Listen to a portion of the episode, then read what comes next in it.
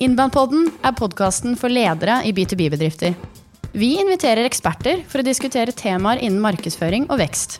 Podkasten ledes av meg selv, Camilla Tryggestad Wiesche, og Tor Magnus Kolflot i Inbound Group.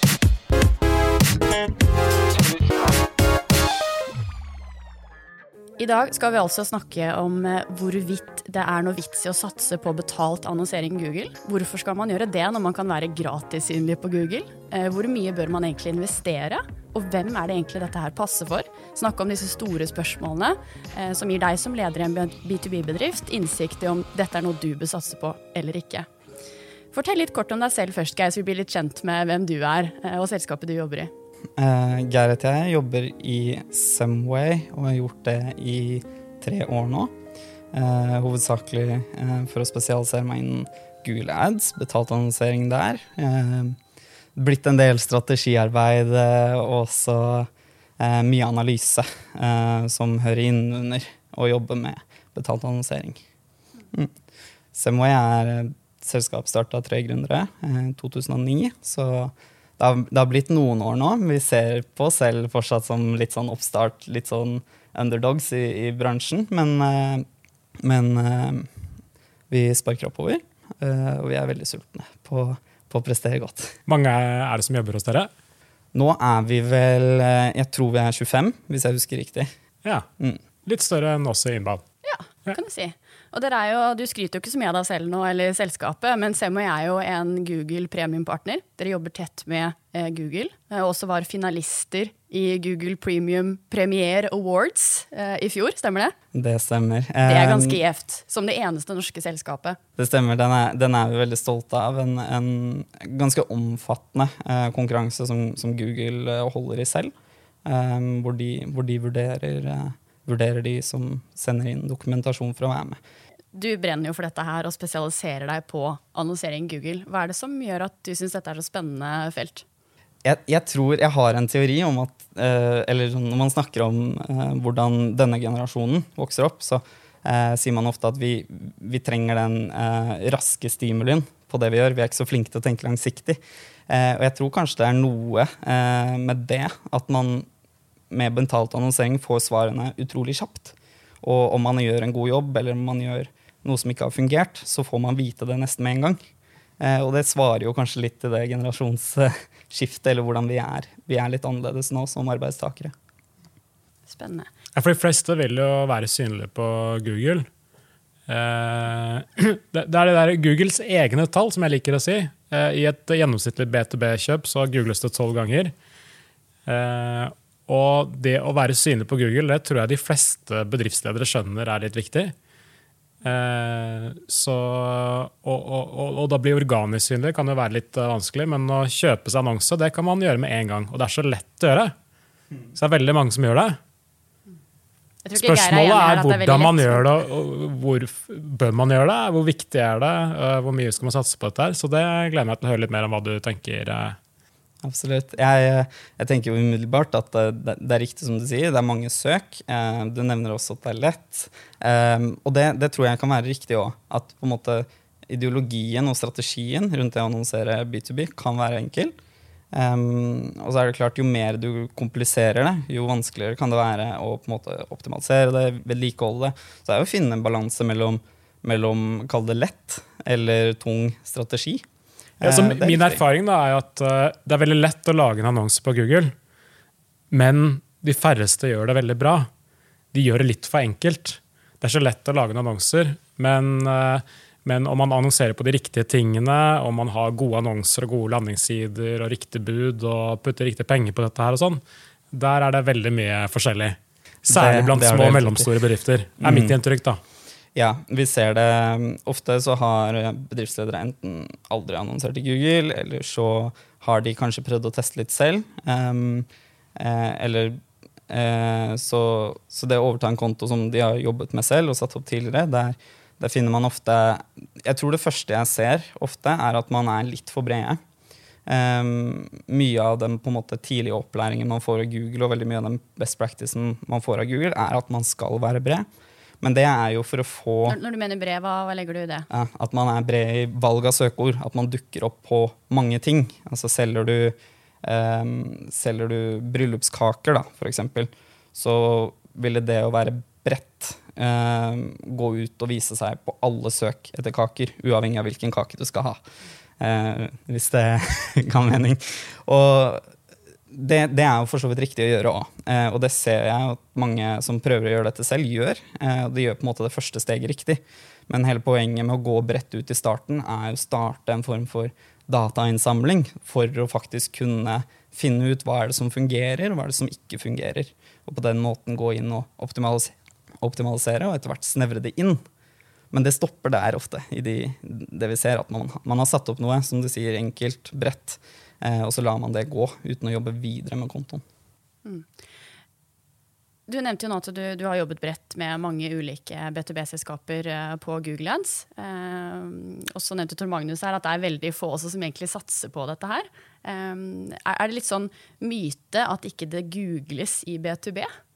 Eh, eller hva, hva, ser du ofte? Jeg regner med at du eh, er i kontakt med mange bedrifter som ikke har annonsert i det hele tatt. Eh, hva er grunnen til det? Jeg tror, jeg tror, vi må skille det litt på behov.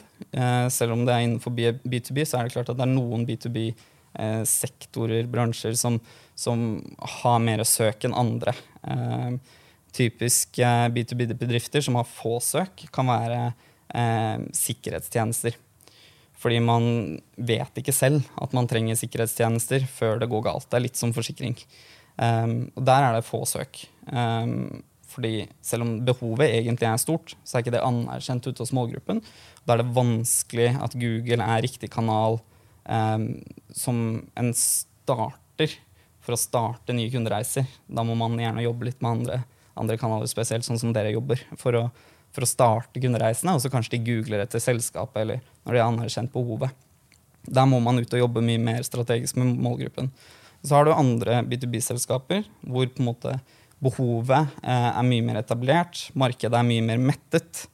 Og det at på en måte innkjøpere f.eks. vet at hvis jeg googler dette, så kommer det til å dukke opp mange eh, tilbydere som jeg kan sammenligne og se på. Det, der er på en måte skjæringspunktet mellom er det mange søk eller ikke. Om innkjøperne selv tror at, at de kommer til å få gode resultater. Og det tror jeg det er en del bransjer som har noe å gå på, men vi har en, en suksesshistorie med på en måte et B2B-selskap som man kanskje er en litt mer eh, konservativ bransje hva gjelder digitalisering. Eh, typisk da at man har lange avtalekontrakter som varer i ti år, eh, og er veldig mye mer nettverksbasert i teorien. Men det, det denne kunne gjøre, var å fokusere i første ledd på, på en måte nettsiden og digitalisere en del av de tjenestene de leverer. Og når man da kan begynne å annonsere Google, eh, så gir jo det på en måte en veldig stor effekt når du først får klikkene inn på nettsiden.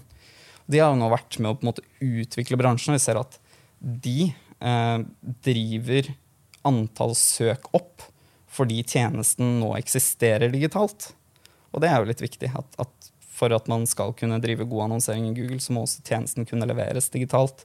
Eller du har en god digital plattform hvor du kan i hvert fall starte kjøpsreisen din. Jeg kjenner meg veldig igjen i eksempelet du nevnte nå eh, med en sikkerhetsleverandør dere jobber med. Eh, vi også jobber veldig mye med B2B-selskaper, eh, som gjerne har små nisjemålgrupper. Ofte en del områder også hvor det er ganske lite søk. Og da første jeg begynner å tenke på det er at Google-annonsering er jo mye mer enn bare søkeordsannonser. Det er jo også displayannonser og shoppingannonser og en god del mer kalde formater som du kan bruke uavhengig om det er søk eller ikke. Så f.eks. dette sikkerhetseksempelet. da. Jeg jeg har også jobbet med en, eh, et sikkerhetsselskap eh, hvor det akkurat er liksom samme case. Folk vet ikke nødvendigvis at de har en utfordring.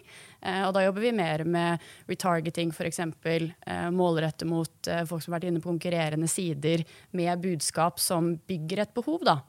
Som bygger en kategori som bygger fremtidige søk. Ja. bare, bare skyt inn her.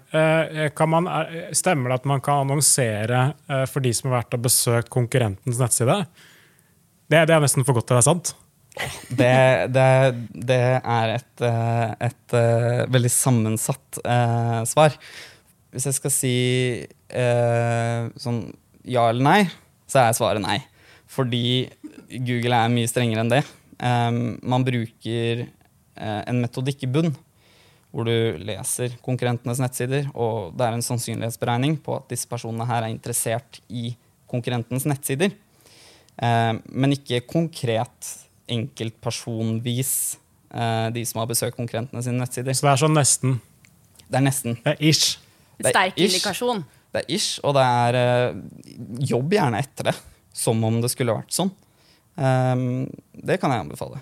Men det, det er en forskjell på å si at det er eh, konkurrenten sine Men det kan være brukere. smart for en vanlig bedrift å prøve seg på det der. Det er absolutt sånn som vi snakket om litt i stad, om at i begynnelsen så vil du gjerne gå bredt. Eh, det å bruke den type målretting i Google er jo kjempesmart for å kunne gå bredt, men samtidig snevre det inn og klare å nisje eh, målrettingen din, og hvem du faktisk velger å, velger å eksponere deg for. Ja, og Camilla nevnte jo sånn retargeting. Du har vært inne på en eller annen side, og så, og så etterpå så går du inn på en helt annen nettside, og så kommer det opp annonser på det du var inne på tidligere på dagen eller i går osv. Så, videre. så forfølger disse tilbudene og produktene deg hele tiden. Det kan jo være superirriterende. Men er det, er det liksom smart å gjøre? Eller, eh, fordi ofte er det veldig irriterende. Kanskje har du kjøpt produktet allerede, og så får du disse annonsene fortsatt. Mm. Men er det sånn generelt noe de fleste bør drive med, eller ikke? Um, ja, de fleste. Det finnes alltid eksempler på de som absolutt ikke burde gjøre det. Um, jeg, jeg tror at det er en form for banner blindness der ute. Så hvis budskapet ikke er relevant for deg, så legger du ikke nødvendigvis merke til det. Jeg vet at det er noen bransjestemmer som har begynt å snakke om at uh, det irritasjonsmomentet er skadelig for merkevaren. Så det er også viktig å huske på at man ikke overeksponerer deg i etterkant av et kjøp. Men det er veldig mye enklere og mindre eh, kostnader knyttet til å hente inn noen som kjenner deg, kontra å bygge kjennskap helt på nytt. Så det å drive med remarketing er eh, lurt økonomisk. Og så kanskje mangler vi litt forskning på hva er den, hva er den effekten av høy frekvens i etterkant. Eh, men jeg vil jo si at når du går lei av et budskap, så begynner du i større grad å ignorere det, mer enn at du irriterer deg over det. Ja, så, så Google-annonsering det er både å være synlig på søk på Google, men det er også annonsering på ulike diverse nettsteder. Litt sånn som ikke har med søk å gjøre. Liksom. Stemmer. Mm. Men sånn, hva, hvis jeg er leder for en, eh, en B2B-bedrift med 20 ansatte innenfor en eller annen nisje, software f.eks., eh, hvordan bør jeg tenke da rundt annonsering? Og kan jeg droppe Google-annonser? Bare kjøre på andre ting? Ja, absolutt. Men uh, du vil jo på en måte gå glipp av en del av markedet ditt. Det å droppe annonsering er jo litt som å droppe å, å hente inn noen kunder. Fordi uh, du ønsker å fokusere på et annet område om gangen, for eksempel, fordi du vil henge med i svingene selv. Men det vil være lønnsomt for meg. Så hvis jeg putter én krone på annonsering, så får jeg to tilbake. Det gjør det, som oftest. Um, sånn rent tallmessig så får du um, med en type last click-modell hvor Google spiller opp siste kjøpet, så ligger man gjerne på åttegangeren tilbake. Så hvis, du, så hvis du putter inn én krone, så får du åtte kroner tilbake. Ja, da, da bør jo alle drive med Google-annonsering. Absolutt. Men det er vel kanskje der hvor det er ser jeg for meg at det er litt kortere kjøpsreiser, og det er enklere å attribuere det klikket til faktiske kjøpet. Stemmer. Ja, for sånn Vi jobber i B2B, så er det gjerne liksom flere måneder opp til kanskje flere år. Og det er kanskje vanskeligere å attribuere et salg konkret til akkurat den annonsen. Stemmer. For det kan Men, være veldig mange ting. men eh, det går jo faktisk an å gjøre det. Eh, og de som er gode på dette her, og på en måte har, har levert statistikk på Hvis man faktisk tar hensyn til alle disse touchpunktene, eh, og når man jobber strategisk over lengre tid, så faller den fra åtte til fire eh, innen Google. Så da får du en lavere avkastning på liksom Google isolert sett. Men én til fire er fortsatt ganske bra. At du får tilbake fire kroner når du investerer én krone. Ja, da vil jeg løpe til banken og låne så mye penger jeg kan. Google som plattform fungerer jo med budgivning, så prisene stiger med konkurranse der. Um, I de markedene, eh, spesielt innen B2B, så er det ikke nødvendigvis like mye konkurranse enda, eh, som det kan være i B2C. Eh, B2C ser vi jo eksempelvis forbrukslån er et eksempel man eh, gjerne drar opp eh, i vårt fagfelt, for det er noen av de dyreste klikkene du har. For der har de begynt å regne på ok, hvor mange klikk trenger vi for å generere så mange nye lån, og det gjør oss denne fortjenesten. Og så kan man se ok, dette eh, bør vi betale i Google. Eh, og man ligger mye nærmere til en type én-til-én-fortjeneste. At du, ja, hvis du putter inn én krone, så får du 1,1 krone tilbake. Men, eh, men innen B2B så er konkurransebildet mye mindre presset, og, og man får gjerne Altså, prisene er ikke balansert. Google er underpriset i Norge. I USA så er det en litt annen situasjon, men i Norge så er B2B-markedet underprist i Google. Som betyr at man da kan få disse store returnene 8 til 1, eller 1 til 8. Er det litt sånn klassisk eh, markedstilbud-etterspørselsteori som forklarer det? eller? Ja, men det er det, fordi Google er jo et lite økosystem i seg selv med tilbud og etterspørsel. Det er det, er det som bestemmer alt. Og så er det selvfølgelig forbrukeren eh, og, og, på en måte hva de syns om deg. da. Hvis man tar bort hva de syns om deg, så er det jo i seg selv bare et konkurransemarked med tilbud og etterspørsel. Da går det an å bare egentlig sette opp ganske enkle økonomimodeller eh, som egentlig hvilken som helst B2B-sjef ville kunne forholdt seg til. Eh, og tatt relativt raske, enkle beslutninger på. Så det du egentlig sier da, at hvis man er en B2B-leder i dag som vurderer Google-annonsering, så kan dette være noe av det aller mest sentrale man kan gjøre for å hente ut mest resultater? da. Man begynner å snakke om alle disse kanalene som kanskje også begynner å bli mer og mer mettet nå som flere B2B-bedrifter begynner å se verdien i Facebook-annonsering og LinkedIn. Og så er liksom Google kanskje en av de områdene hvor det virkelig er mye å hente nå. da. Eh, men hvor det vil være store endringer i årene som kommer, kanskje. Men sånn, Jeg har vært borti en del, del bedrifter, norske B2B-bedrifter eh, som eh, satser på Google Ads og har gjort det en stund. og Så spør jeg hvor mye penger bruker de på dette. her, og Da har jeg vært borti både 20 000 og 40 000 kroner i måneden hvor de sier at det er det de bruker på Google Ads. Bare Google Ads, altså. Og så spør jeg hva, hva får dere igjen for det. Svaret er aner ikke. Det, det, er helt krise. Ja, men jeg tror også det første man skal tenke, er at man ikke er den smarteste i rommet. Eh, fordi det er mange som sier 'jeg vet ikke', fordi jeg kan kanskje se at det klikket førte til det kjøpet. Men, men, de klarer å ta inn over seg at dette her er mye mer komplekst. De kanskje tenker på hva er levetidsverdien. Eh, hvilke andre touchpunkter er det vi har vært innom, som vi snakket litt om i sted. Så det kan hende fint hende at markedssjefene og sjefene som sitter overfor deg og sier at eh, 'jeg vet ikke', betyr at 'jeg vet ikke' fordi bildet er så sammensatt. Det er så vanskelig å forholde seg til. Eller så er det andre tilfellet, hvor man bare egentlig ikke måler det, selv om det er mulig. Så man må på en måte prøve å finne ut av hvilken av delene er det. Eh, er det fordi det er komplekst bilde, eller er det fordi du mangler datainnsamlingen? Jeg tror eh, kanskje det var litt begge deler i noen av de tilfellene jeg hørte. Men det er jo uansett et rødt flagg når ikke du vet hva investeringene dine gir deg tilbake. Det er det. Så uansett hva grunnen er, så bør jo det være et rødt flagg man Og som kanskje også er årsaken da, til at såpass få relativt sett gjør annonsering i B2B. Absolutt, men en utfordring og på en måte en aksept som finnes blant markedsførere, er jo at halvparten av budsjettet vet vi fungerer, vi vet bare ikke hvilken halvpart. Um, og det har på en måte blitt akseptert at vi kan kaste bort halvparten av pengene våre. Og så kommer jo digital annonsering nå og sier ja, ja, men vi vet. Hvor mye penger bør en vanlig, vanlig ikke så veldig stor B2B-bedrift i Norge bruke på Google Ads? Vi er på tilbud og etterspørsel. Så hvis du klarer å se hvor mange potensielle kunder er det vi har her, og hvor mye inntekt vil det gi til oss, så kan du jo da gå tilbake igjen og si ok, jeg vil ha fem kunder. Eh, og så går man til Google og så følger man opp hvor mye koster én kunde i Google.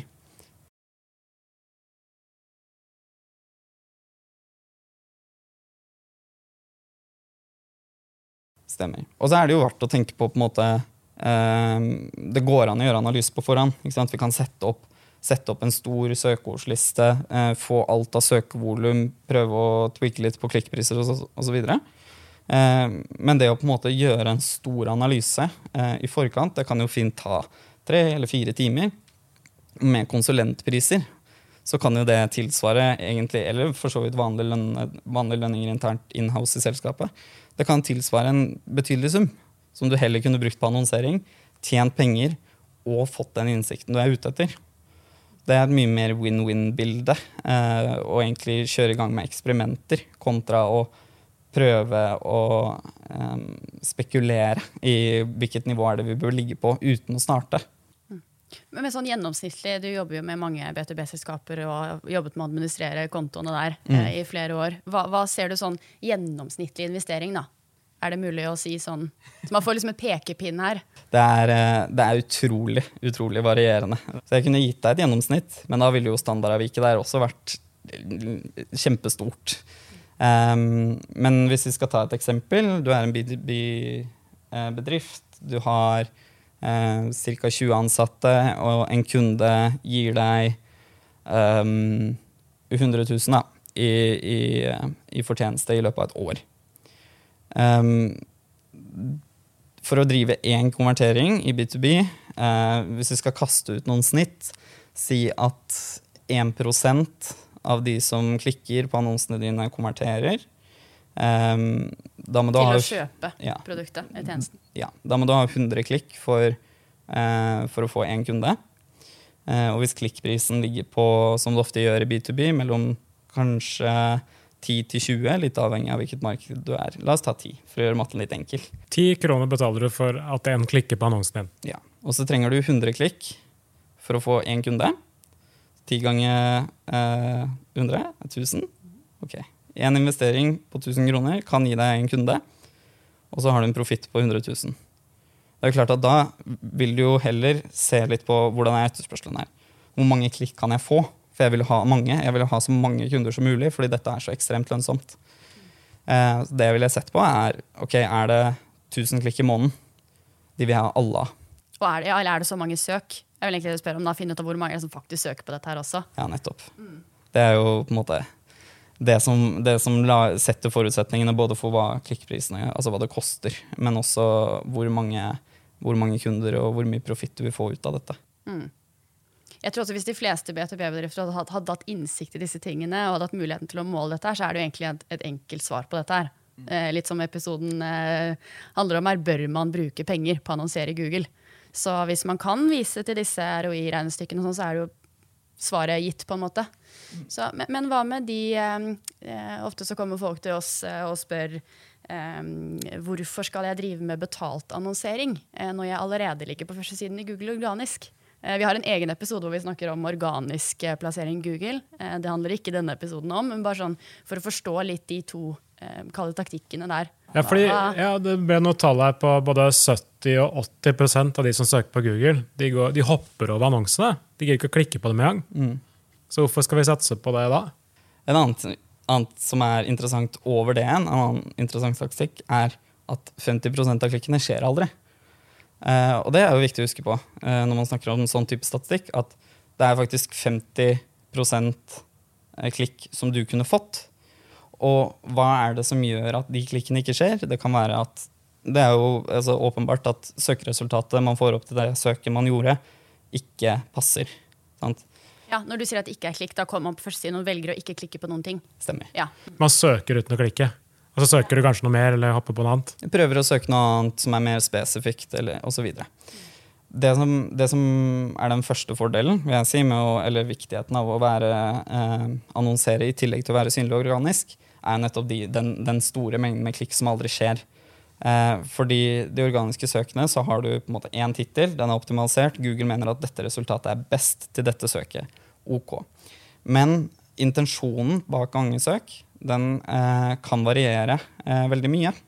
Eh, og selv om Google er best på dette her og prøver å bruke maskinlæringen sin i organisk også nå, og søkeresultatet blir mer og mer eh, personlig tilpasset, hvis, jeg håper jeg sier riktig nå, eh, så har fortsatt eh, annonsering den fordelen at det er mye mer dynamisk i forhold til søknadstekstene. Og det er mye mer personlig tilpasset enn det organiske resultatet er. Um, fordi vi har noe som heter responsive annonser, f.eks. Skal ikke snakke altfor mye ned i dybden her nå, men, men, men, det er jo en form for annonse hvor eh, du egentlig bare legger inn du kan legge inn 15 overskrifter. Og basert på deg, hvem du er, dine interesser, hvilke andre søk, altså den dataen som, som Google har om deg, så vil den velge ut den overskriften som mest sannsynlig passer for deg. Så selv om ett organisk eh, søk rangerer på et spesifikt ord, så er det ikke nødvendigvis det organiske resultatet som tilsvarer det du egentlig er ute etter. Så annonsering er noe mer datadrevent i forhold til hva som Smartere, faktisk presenteres. rett og slett. Ja. Og på tilfeller. den måten så kan du virkelig begynne å grave inn i den, den 50% av de klikkene som aldri skjer. Um, det er jo én strategi og på en måte et argument for å være, være Det er jo gratis synlig. oppmerksomhet, da, for du betaler ikke noe når folk bare leser annonsen uten å klikke. Det, det, er også for så vidt et veldig godt poeng. Eh, at, at, du kan få veldig mye awareness eh, hvis du dukker opp gjentagende, selv om Google ja, for Du sier jo navnet og merkenavnet som regel, og kanskje en logo innimellom. Og Stemmer. Ja, nettopp. At man bare dukker opp jevnlig, så får man jo en sånn betryggende følelse til varemerken, som er spesielt viktig i B2B. Eh, og bare vite om, gjøre research. Hvor mange, kjenner du hvor mange selskaper man evaluerer før man velger en B2B-bedrift? Er det noe dere har sett på? Det er sikkert mange. vi vet at det er en lang kjøpsprosess, i hvert fall at det googles veldig mye. Sånn i snitt tolv ganger, som jeg tror vi nevnte her tidligere. Så det er nok implisitt der også at man vurderer ganske mange ulike alternativer når man gjør et såpass stort kjøp, da, som de, de aller fleste tilfellene er eh, i B2B. Og For å i det hele tatt bli tatt med i evalueringsprosessen, så er det viktig å være synlig. Men i forhold til skal vi annonsere, når vi allerede rangerer på førsteplass i Google um, Konkurrenter kan jo eh, annonsere på eh, ditt merkenavn. Så, og det er lov. Uh, det er lov. Så fra Norwegian-saken. Det... Kanskje ikke helt greit, men det er lov. Nei, Vi har hatt en, en litt sånn norm, en litt uskreven regel lenge i bransjen at vi prøver å holde oss unna det. Um, nå vil jo Google at vi skal gå enda bredere. Eh, så på en måte ja, Google vil at vi alle skal annonsere mest mulig. Ja, det er, det er jo bombe. At de vil tjene mest mulig penger. Ja, Det, det skjønner man jo. Og, og, på en måte nå, nå, går det mer og mer bredt. Og nesten, det er nesten der hvor jeg kan annonsere på digital markedsføring. Eh, at jeg begynner å dukke opp på konkurrenter, fordi Google ser en sammenheng mellom digital markedsføring og mine konkurrenter. Så man må på en måte prøve å være litt streng hvis man vil unngå det. Eh, og det bruker jo vi å gjøre for våre kunder, iallfall. For vi, vi, vi, ser ikke effekten, eller sånn, vi ser ikke at det er eh, eh, noen gevinst for egentlig noen av partene eller for bransjen i seg selv at, at vi skal drive opp prisene. det er utrolig irriterende når, eh, når noen uh, googler ditt firmanavn, og så kommer hovedkonkurrenten din opp med annonse øverst. Det er jo sabla irriterende, da. Det ser jo vi innimellom også når folk googler eh, inbound group, da, som vi het for en liten stund siden. Så er det sikkert sånn som du sier, da, da ser Google at i dette søket så er det inbound, og da dukker andre konkurrenter opp på det søket. I hvilken grad eh, jobber du med på en måte hele reisen? Hvis du setter opp en annonse for en bedrift som er fine, som matcher eh, søket osv., klikk på annonsen, så kommer jeg inn på nettsiden til bedriften. Og den nettsiden man kommer inn på da, den kan jo være superbra, kjemperelevant, eller den kan være helt uinteressant. Det kan være bare at de linker rett til forsiden uansett, på alle søkeord. I hvilken grad, eh, Hvor viktig er det at den landingssiden, altså selve hjemmesiden annonsen peker til, eh, er optimalisert? på en måte? Det er eh, helt avgjørende. Det er det for å, for å drive en eller annen form for fortjeneste. Du, for her syndes det ganske mye, gjør det ikke? jo, det, det, vil jeg påstå. Selv om jeg jobber med betalt annonsering i Google, så har jeg det sitter ikke langt inne å anbefale kundene våre å eventuelt omdisponere til det å jobbe med mer med nettsiden eller altså konverteringsoptimalisering, uten at det nødvendigvis er mitt fagfelt. For du ser, altså Jeg kan jo bruke mange timer på å prøve å optimalisere en konto.